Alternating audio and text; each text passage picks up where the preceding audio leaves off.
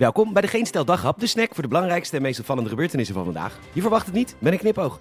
Met vandaag een eigen biomassa-centrale begint bij jezelf, zalige paus en misleidende noordelijke provincies. Mijn naam is Peter Bouwman. Dit is het nieuws van zondag 17 oktober.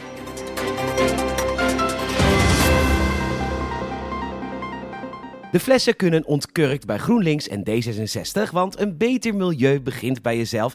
En nu de gasprijs door het dak schiet, ontdekken heel veel mensen dat ze gewoon zelf een biomassacentrale in huis hebben. De hippe term is open haard en volgens het AD is er een ware run ontstaan op hout. Je weet wel, die fantastische hernieuwbare energie van Frans Timmermans. Je hakt een boom om en over 100 jaar staat er weer een nieuwe. Ideaal! Het Longfonds is minder blij, want al die rook is niet goed voor mensen met longziekte. Maar goed, mensen zitten in het nauw en zien de gasprijs al maar stijgen. En zolang we nog geen staafjes uranium kunnen kopen voor dat schattige kleine nucleaire energiekacheltje, zal de run op hout nog wel even aanblijven. Gefeliciteerd Jesse en Sieg. Ik was laatst in Groningen toen ontdekte ik de zogenaamde doorfietsroutes. Extra goed onderhouden fietsroutes. Je krijgt heel vaak voorrang en er zijn geen verkeerslichten. Nou, ik was sceptisch, want ja, hoe glad kan een wegdek zijn en hoe vaak krijg ik dan voorrang? Totdat ik de reacties bekeek op de website doorfietsroute.nl. Een vrouw genaamd Siska zegt daar: Mijn kleinzoon noemt me sportief. Nou, dat spreekt mij wel aan, Siska. Of een meisje dat zegt: Het scheelt ochtends toch een paar minuten slapen. Nou, meisje, dat vind ik ook enorm interessant. Een paar minuten extra slapen.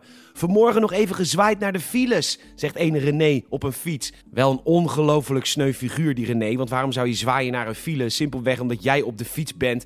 Maar goed, snel naar mijn bestemming. Top!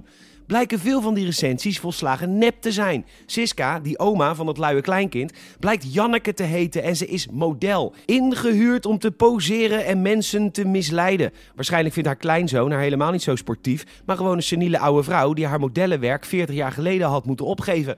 De regionale site Sikkel vertelt ook dat Bouke eigenlijk Dirk is. Natuurlijk ga ik op de fiets, want ik ben een buitenmens. Wie verzint die tekst? Alsof je in een land leeft waar de fiets een nieuw concept is. Nou goed, dat is dus bedacht door een bureau die de opdracht heeft gekregen via de overheid. En geloof mij maar, die mensen fietsen niet. Goed nieuws voor paus Johannes Paulus I. Hij is zalig verklaard en dat is de eerste stap naar heilig verklaard worden. De beste man is er niet meer. Hij leidde de katholieken slechts 33 dagen tot zijn dood in 1978. En volgens het Nederlands Dagblad betreft dit een erkenning van een wonder dat hij heeft verricht. Een genezing van een meisje met een hersenziekte middels handoplegging. En wonderen zijn altijd heel bijzonder in het katholieke wezen. In plaats van dat je een wonder verricht, bijvoorbeeld, je komt iemand met syndroom van Down tegen en je zegt dan tegen die persoon: Doe gewoon even een keertje normaal. En dat die persoon met Down dan zegt: Ja, weet je, je hebt ook gelijk. Ik heb een uh, groot aandachtstekort gehad in mijn jeugd en ik ben op een gegeven moment zo gaan gedragen. Maar je hebt gelijk, ik zal nu gewoon normaal doen. Nou, dat is een wonder. En als niet-katholiek zou je dan zeggen: Kijk. Ik heb een wonder verricht. En dan zegt die man die down had, die zegt dan ook: Ja, deze meneer heeft een wonder verricht. Verklaar die man even zalig. Is goed. Nee, bij de katholieke kerk gaan zaligverklaringen altijd post-mortem. Wat echt superkut is voor de bewijslast. Want ja, dan is het van ja, die heeft ooit gezien dat hij een hand oplegde bij iemand die ongeneeslijk ziek was. En daarna was ze beter, maar ja, die is inmiddels ook al wel weer dood. Wij stellen voor dat er gewoon een loket komt waar je vermeende wonderen, vage verhalen en onverklaarde theorieën kunt melden. Oh ja, shit, dat is Facebook natuurlijk al. Volgens het Algemeen Dagblad zijn ze het zat. De bewoners van de Reigerflat in Delft. Schimmel, vocht, gore luchten. Mensen worden letterlijk ziek van het wonen in die flat en ze zijn het spuugzat. Lucht van baggerput hangt er. En de woningcorporatie Woonbron weigert er iets aan te doen. En dat terwijl die mensen 700 euro huur per maand betalen. Wacht. 700 euro huur per maand?